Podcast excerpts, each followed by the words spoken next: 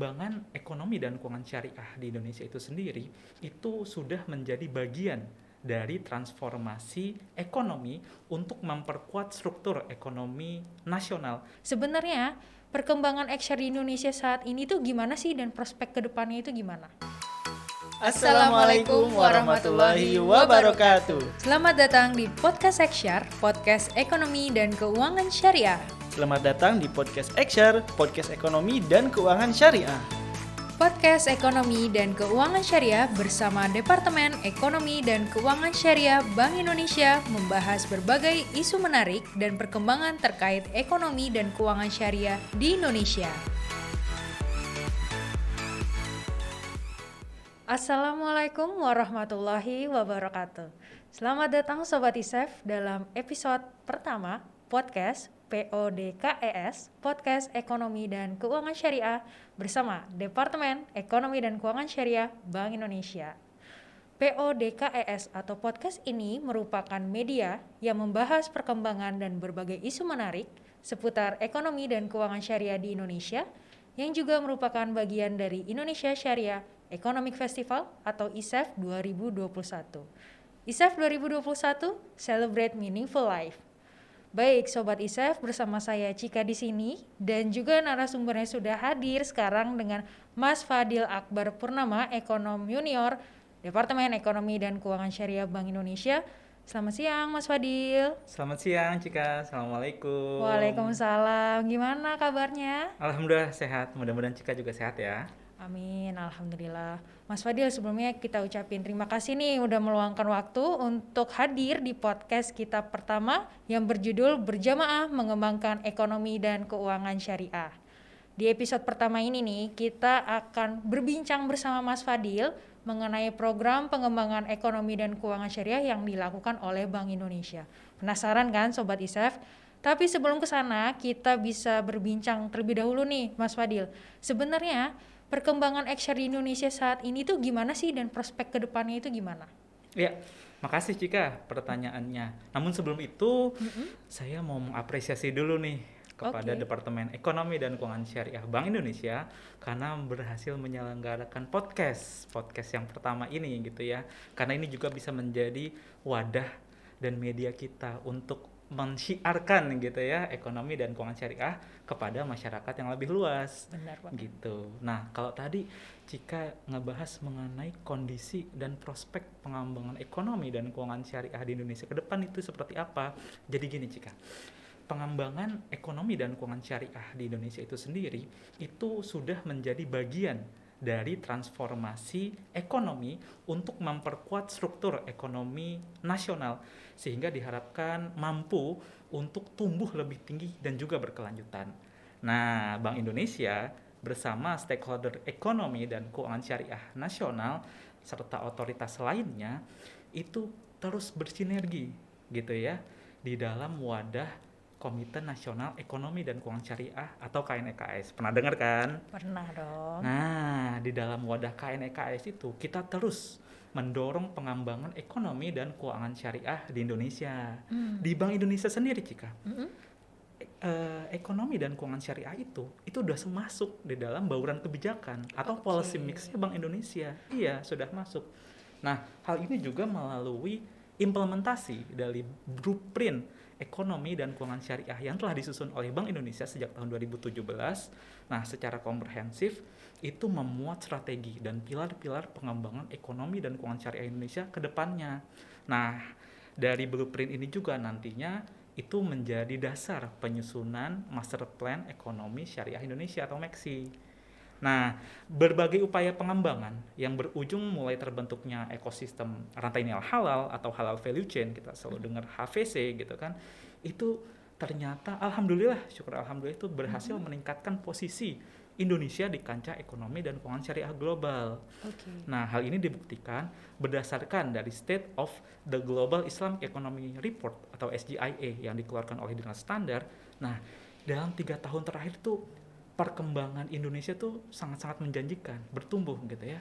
Kalau dari sebelumnya, sebelum 2016-2017, kita di luar 10 besar, di luar top 10 tapi terus naik naik naik peringkatnya sampai 20 20 20 21 ini peringkat Indonesia udah ada di peringkat empat besar cik Oke. Okay. gitu nah di sektor keuangan syariah pun juga demikian berdasarkan Islamic Finance Development Index yang dikeluarkan oleh ICD atau Islamic Corporation for the Development of the Private Sector, industri keuangan syariah itu berhasil naik ke peringkat kedua di bawah Malaysia. Itu setelah sebelumnya itu menempati peringkat ke keempat. Jadi itu kan juga pertumbuhan yang sangat luar biasa gitu ya. Nah, hmm. ke depannya prospek ekonomi dan keuangan syariah itu sendiri kalau kita juga melihat dan mempertimbangkan bonus demografi yang dimiliki oleh Indonesia, nah kita pasti akan optimis nih. Itu menjadi peluang besar untuk mengoptimalisasi potensi ekonomi dan keuangan syariah kita, Cik. Selain itu, kinerja Xshare yang berdaya tahan meskipun sekarang nih di tengah pandemi COVID-19 ini itu justru menjadi sumber pertumbuhan ekonomi baru, Cik. Itu juga yang sering digaungkan oleh Bapak Wakil Presiden kita, Bapak Kiai Haji Ma'ruf Amin.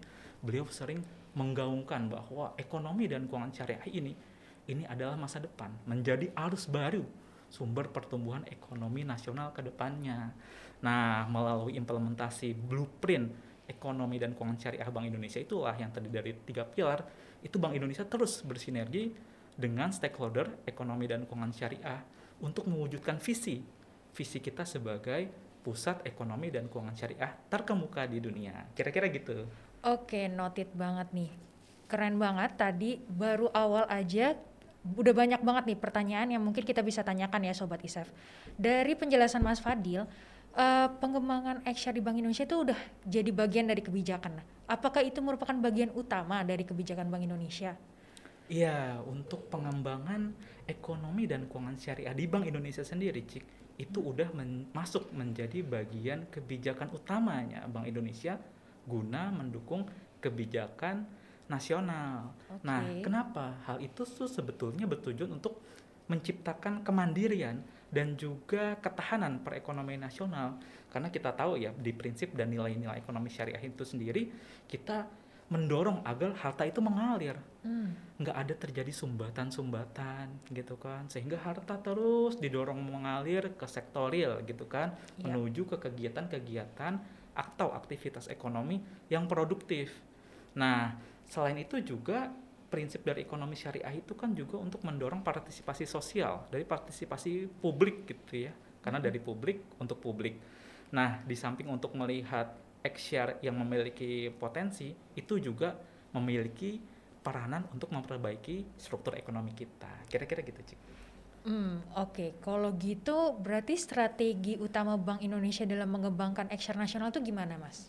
Nah, untuk strategi sebetulnya kalau arah pengembangan kebijakan ekonomi dan keuangan syariah Bank Indonesia akan kembali lagi kepada pengimplementasian dari tiga pilar yang ada di blueprint kebijakan pengembangan ekonomi dan keuangan syariah. Yang tadi mm-hmm. aku cerita udah disusun sejak tahun 2017 itu yang menjadi pegangan setiap program-program yang dijalankan oleh Bank Indonesia cik. Nah ketiga pilar itu kan uh, ada pilar pertama pemberdayaan ekonomi syariah. Mm. nah pemberdayaan ekonomi syariah itu sebetulnya didorong untuk melalui uh, pendekatan ekosistem Okay. Jadi harapannya ekosistem halal value chain atau HVC itu itu terintegrasi gitu seluruh sektor atau aktivitas usaha syariah yang ada di Indonesia baik itu dari bagaimana produksinya kemudian bagaimana distribusinya mm. pemasarannya hingga itu sampai ke tangan konsumen kira-kira gitu nah untuk ke depannya di selain di pilar satu itu ada juga penguatan di pilar kedua. Pilar okay. kedua itu terkait dengan pendalaman pasar keuangan syariah. Nah, kurang lebih pilar ini lebih menjadi sumber pembiayaan untuk aktivitas yang ada di pilar pertama tadi. Hmm. Nah, kira-kira gitu. Nah, pilar terakhir yang gak kalah pentingnya adalah melakukan penguatan riset, assessment, dan edukasi. Nah, dengan semakin meningkatnya literasi masyarakat, itu diharapkan juga menumbuhkan kesadaran masyarakat untuk menggunakan barang dan jasa yang syariah gitu. Nah, jadi harapannya ketiga ketiga pilar inilah yang menjadi uh, fondasi dasar kita dalam hmm. melakukan strategi berbagai program. Nah, termasuk ini podcast ini kan juga bagian dari bagaimana kita mengedukasi masyarakat mengenai prinsip dan ekonomi syariah itu sendiri agar kita memiliki pemahaman yang sama gitu bahwa ekonomi dan keuangan syariah itu merupakan prinsip yang sangat inklusif, sangat universal, nggak hanya untuk umat muslim aja tapi harapannya rahmatan lil alamin gitu ya kurang lebih ya menjadi rahmat sekalian alam nggak pernah ada ceritanya hanya rahmatan lil muslimin nah ke depannya strategi penguatan itu yang pertama melalui penguatan infrastruktur cik termasuk okay. digitalisasi ini mm -hmm. sangat relevan sekali ya dengan kondisi yang sekarang pandemi sehingga semua serba online, serba virtual gitu ya. Yep. Yang kedua yang gak kalah pentingnya adalah penguatan kelembagaan serta perluasan implementasi dari tadi bagaimana pemberdayaan ekonomi syariah membantu UMKM, kemudian bisnis yang ada di pesantren kita majukan melalui pendekatan ekosistem tadi. Nah harapannya program-program yang sudah dijalankan oleh Bank Indonesia itu dapat terakselerasi meski di tengah pandemi COVID-19 ini Nah, yang pertama tadi strategi penguatan infrastruktur termasuk digitalisasi itu diharapkan juga mempertimbangkan aspek people, proses dan juga teknologi gitu. Harapannya digitalisasi tadi juga juga masuk ke area-area ekosistemnya HVC sehingga penguatan tersebut itu juga dapat dirasakan oleh orang-orangnya, bagaimana prosesnya juga menjadi terdigitalisasi gitu ya, termasuk teknologinya juga. Nah, yang kedua terkait tadi aku bilang penguatan kelembagaan gitu ya, memang berjamaah itu merupakan kata kunci ya, Cik ya. Betul. Kata kunci ketika kita berjamaah kita semakin kuat gitu kan harapannya kita bersinergi dengan lembaga lain dengan uh, bisnis-bisnis lain gitu. Nah ini juga yang kita harapkan melalui pembentukan himpunan bisnis ekonomi pesantren atau hmm. habit trend kalau pernah dengar itu juga salah satu programnya di Departemen Ekonomi dan Keuangan Syariah Cik. Habit trend tadi. Nah dengan penguatan kelembagaan seperti habit trend ini diharapkan kita juga dala, dapat memperkuat kelembagaan lainnya di luar bisnis termasuk juga di perguruan-perguruan tinggi. Nah, kemudian yang ketiga tadi aku sempat sebutkan mengenai strategi perluasan implementasi juga ya. Iya. Bagaimana di pilar XR itu juga melalui peningkatan jumlah, peningkatan kuantitas maupun kualitas dari kapasitas si para pelaku usaha yang kita bina. Nah, melalui perluasan tersebut itu uh, baik juga dari perluasan uh, basis investor, perluasan instrumen yang ada di pilar kedua tadi di pilar keuangan syariah itu juga penguatan-penguatan di pilar tiga juga bisa dilakukan seperti penguatan risetnya, mm-hmm. penguatan asesmennya, kemudian juga penguatan di uh, edukasinya seperti ini gitu sehingga diharapkan literasi masyarakat juga semakin meningkat. Wah, uh, menarik banget, bener-bener menarik dari uh, paparan yang udah Mas Fadil uh, berikan nih ke kita ya Sobat Isef. Nah, dari yang udah disampaikan tadi, sebenarnya terus bentuk sinergi Bank Indonesia dengan otoritas lainnya nih dalam berjamaah untuk mengembangkan ekshare nasional itu seperti apa sih Mas?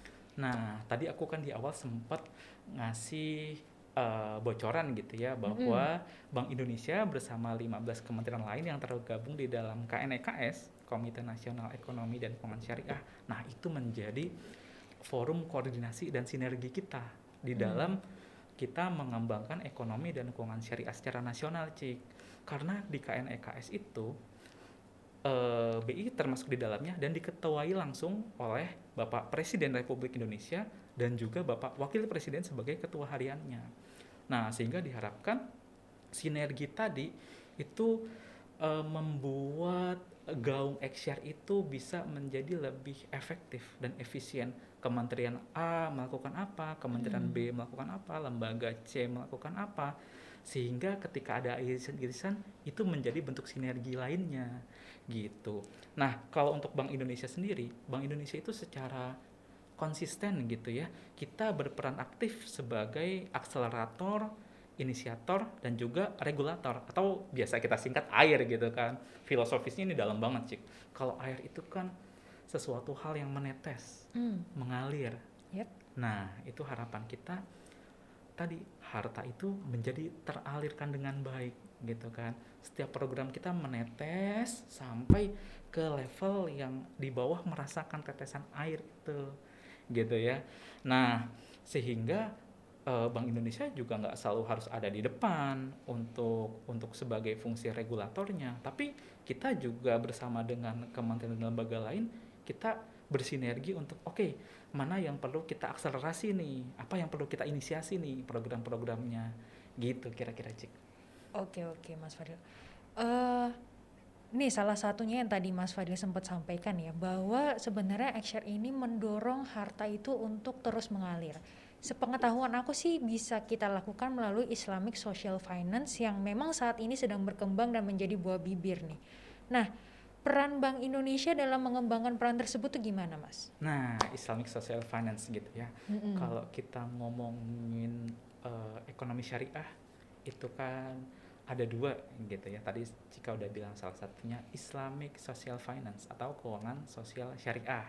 Nah, sementara ada di yang satunya itu keuangan komersial syariah atau okay. Islamic uh, commercial, commercial finance. finance ya. Mm-hmm. Nah, untuk di Islamic Social Finance itu sendiri salah satu peranan dari Bank Indonesia adalah sebagai inisiator. Tadi ya, hmm. ya kalau kita callback tadi fungsi air itu salah satu fungsi BI itu adalah berperan sebagai inisiator. Kita menginisiat sejumlah inovasi dan juga langkah inisiatif di bidang Islamic Social Finance ini. Tujuannya apa? Untuk berkontribusi di dalam pembiayaan sektoril dan mendukung pembangunan ekonomi nasional hmm. gitu.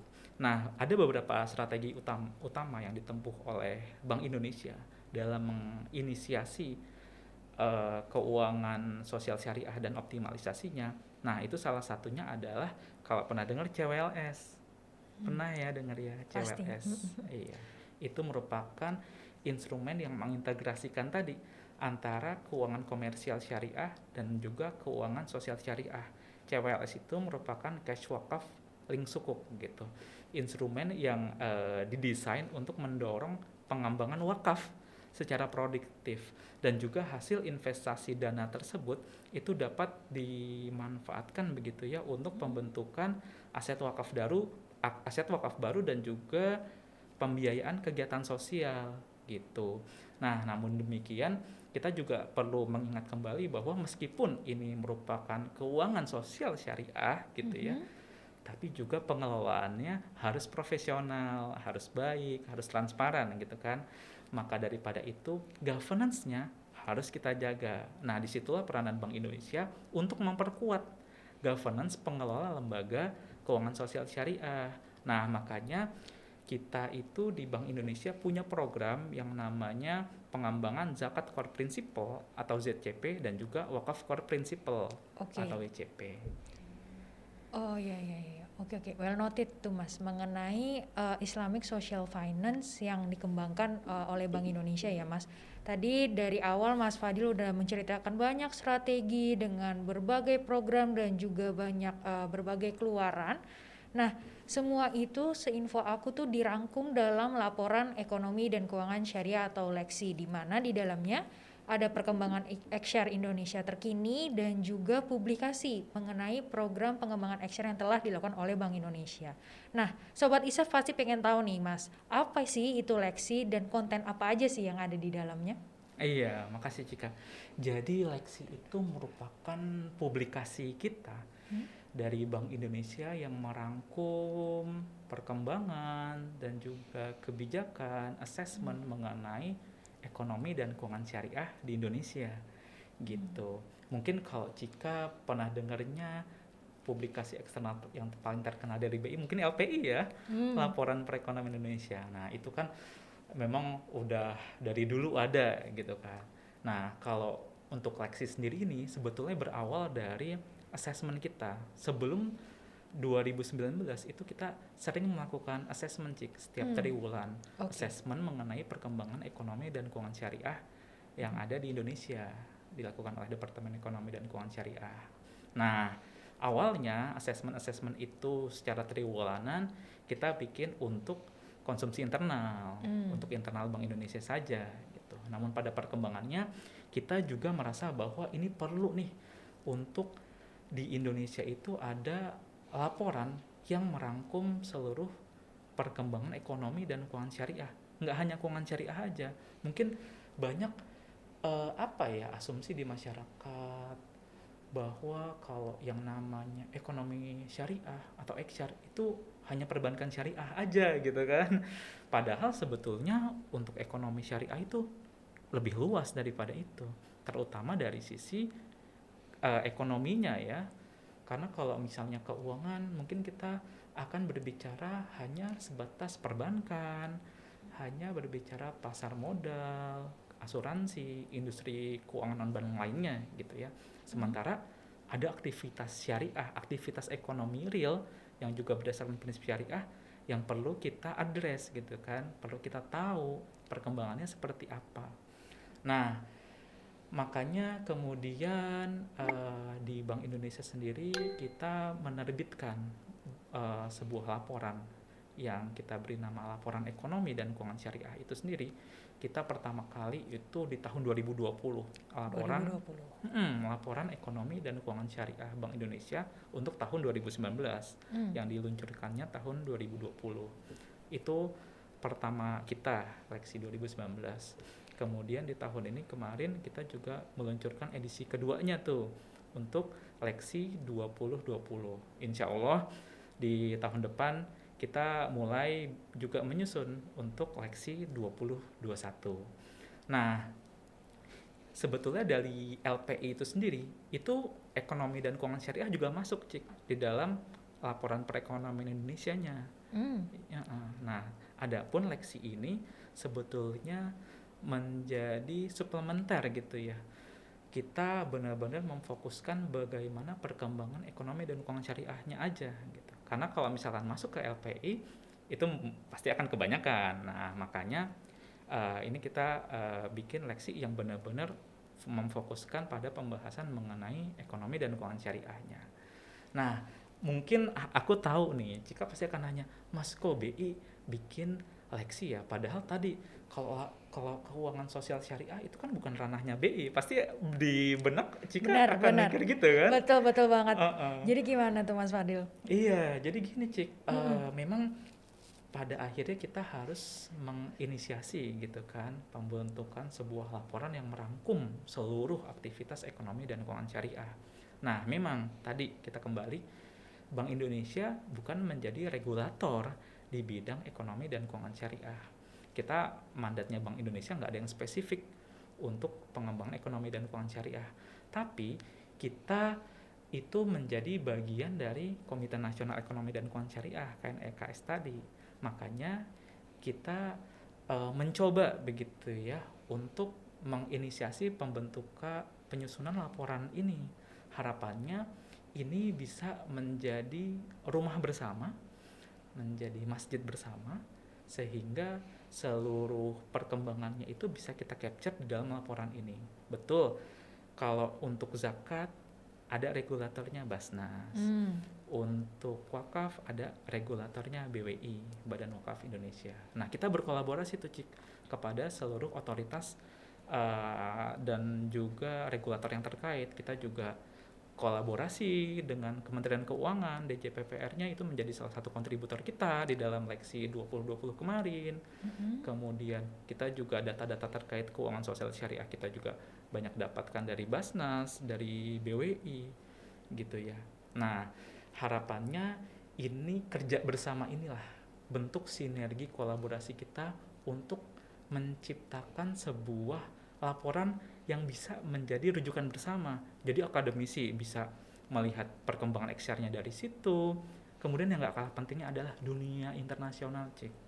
Hmm. Ya kan? Hmm, hmm. Tadi aku sempat juga bilang bahwa mungkin di sebelum tahun 2016 2017 itu di dalam SJIE kita di luar top 10. Padahal dari tahun segitu pun kita udah ada dong program dan pengembangan ekonomi dan keuangan syariah Nah, mungkin salah satu penyebabnya gitu ya kalau aku boleh coba sampaikan bisa jadi karena memang tidak terdokumentasikan dengan baik masih masih apa ya masih terpecah-pecah gitu ya kalau terkait uh, keuangan sosial syariah di sana untuk yang zakat di sana wakaf di sana gitu nah sehingga harapannya ini menjadi diseminasi yang cukup komprehensif. Ketika hmm. semua orang mau merujuk perkembangan ekonomi dan keuangan syariah di Indonesia seperti apa bisa melalui leksi ini. Kira-kira gitu, Cik. Oke, okay. well noted Mas Fadil mengenai leksi ini ya dan aku yakin sobat ISEF juga nggak sabar nih nunggu leksi 2021 untuk melihat perkembangan ekshare terkini hmm. di Indonesia. Amin, amin. Kembali amin. lagi ya, berjamaah mengembangkan ekonomi dan keuangan syariah. Salah satunya nih melalui perhelatan Indonesia Syariah Economic Festival di mana Bank Indonesia bekerja sama dengan KN EKS dan juga mitra strategis lainnya mengadakan ISEF di setiap tahunnya. Nah, mungkin Mas Fadil bisa jelasin sebenarnya ISEF ini apa sih dan bagaimana ISEF ini dapat membantu pengembangan ekshar nasional. Nah, iya. ISEF Indonesia Syariah Economic Festival itu uh, tahun ini ya Cika ya, udah masuk tahun ke-8 ya hmm. tahun ke-8 penyelenggaraan ISEF itu sendiri. Dan semakin ke sini ISEF itu udah semakin dikenal, nggak hanya di Indonesia, tapi juga dunia, gitu kan. Nah, ISEF itu sendiri sebetulnya merupakan sebuah event ekonomi dan keuangan syariah yang boleh dikatakan menjadi flagshipnya untuk uh, Indonesia. Nah, sejak 2014 gitu ya. Mm -hmm. Nah, Bank Indonesia udah mulai memperprakarsai untuk penyelenggaraan ISEF itu sendiri. Nah, seiring berjalannya waktu yang tadinya mungkin skalanya nasional regional sampai yang sekarang skalanya itu global. Orang-orang udah mulai menantikan nih udah menjelang Oktober itu bulan-bulannya ISEF gitu kan. Bentar lagi dong, Mas. Iya, betul sekali. Lagi. Makanya sobat-sobat Exshare juga pasti akan menantikan, wah, ISEF tahun ini seperti apa? Karena gini, Cik. Hmm. Yang menarik itu adalah ketika di pandemi ini kami di Bank Indonesia tentunya juga bekerja sama dengan stakeholder ekshare lain, para anggota kementerian dan lembaga yang ada di KNEKS mm -hmm. itu meskipun di tengah pandemi COVID-19 ini kita tetap istiqomah untuk menjalankan ISEF meskipun secara virtual. Nah, itulah tadi kenapa digitalisasi itu juga akhirnya yang mendorong pengembangan ekonomi dan keuangan syariah. Karena uh, bagaimanapun juga meskipun di tengah keterbatasan pembatasan sosial dan segala macam mm-hmm. tapi uh, ekonomi dan keuangan syariah itu tetap harus didukung. Tetap harus ada event yang selain juga menjadi ajang diseminasi tapi juga men-showcasekan. Apa-apa sih pencapaian kita? Apa-apa sih program kita?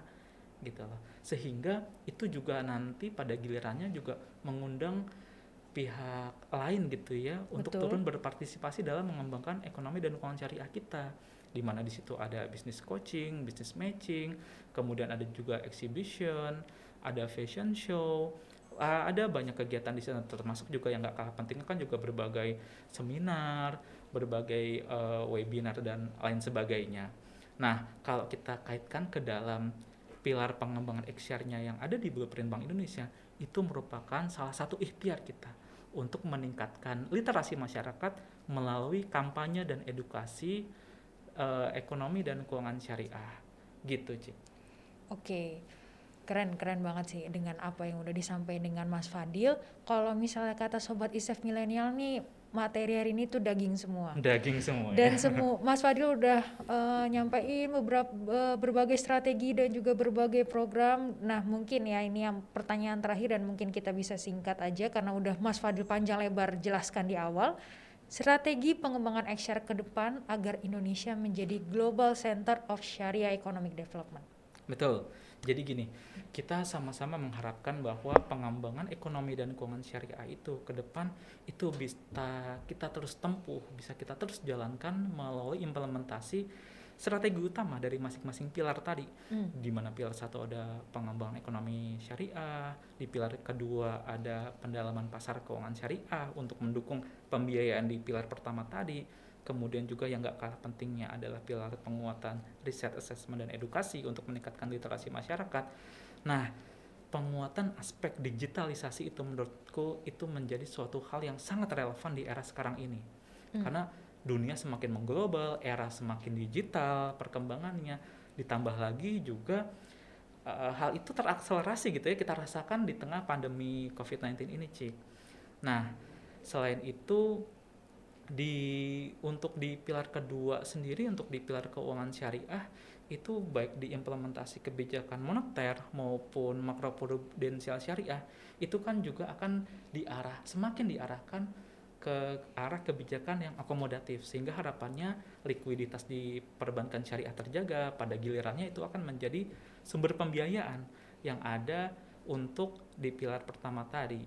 Nah, untuk di pilar riset, assessment dan edukasi itu ke depannya yang akan terus ditempuh adalah penerbitan GMF terus dilakukan Journal of Islamic Monetary Economics and Finance kemudian penyelenggaraan conference-nya mm. IIMFC itu juga terus dilakukan berbarengan dengan penyelenggaraan ISEF selain itu juga kita punya universitas bertaraf internasional ya kalau pernah dengar UI 3 UIII gitu kan nah itu menjadi uh, perwujudan pengimplementasian mimpi kita sebagai pusat referensi XR global melalui pendidikan tinggi hmm. gitu. Nah, yang nggak kalah pentingnya tadi, yang udah sempat kita bahas mengenai ISEF tadi.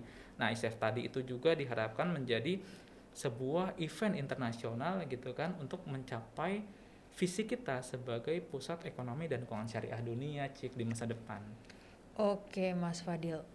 Uh, apa yang udah Mas Fadil sampaikan itu keren-keren banget dengan eh, bincang-bincang uh, kita, bincang-bincang singkat kita ini uh, sebenarnya Bank Indonesia itu berperan aktif ya dalam pengembangan XR nasional. Setuju. Berjamaah dengan uh, KNEKS dan juga stakeholder lainnya dan lembaga-lembaga lainnya dengan tiga pilar tiga strategi utama yang pertama adalah pemberdayaan ekonomi dan keuangan syariah, yang kedua adalah pendalaman pasar keuangan syariah, yang ketiga adalah pendalaman riset asesmen dan edukasi. Betul. Nah, di sini uh, Bank Indonesia nggak sendiri, Bank Indonesia uh, berjamaah bersama stakeholder lainnya dalam mengembangkan action nasional. Kita doakan semoga Indonesia segera menjadi pusat ekonomi dan keuangan syariah dunia amin, ya Mas Fadil. Amin. Uh, mungkin demikian Sobat ISEF uh, untuk podcast episode pertama kali ini. Kami ucapkan terima kasih Mas Fadil udah Sama -sama mau main-main. Uh, kapan-kapan kita uh, ketemu lagi ya Mas Fadil Allah, di episode-episode selanjutnya. Demikian Sobat ISEF episode podcast kali ini. Nantikan episode podcast selanjutnya di setiap hari Jumat bersama Departemen Ekonomi dan Keuangan Syariah Bank Indonesia. Jangan lupa like, comment, dan subscribe, dan ikuti semua media sosial ISEF. Salam ISEF 2021. Celebrate meaningful life. Wassalamualaikum warahmatullahi wabarakatuh. Podcast Ekonomi dan Keuangan Syariah. Podcast Ekonomi dan Keuangan Syariah. Demikian tadi podcast Ekonomi dan Keuangan Syariah episode kali ini. Nantikan episode podcast ekonomi dan keuangan syariah selanjutnya bersama Departemen Ekonomi dan Keuangan Syariah Bank Indonesia.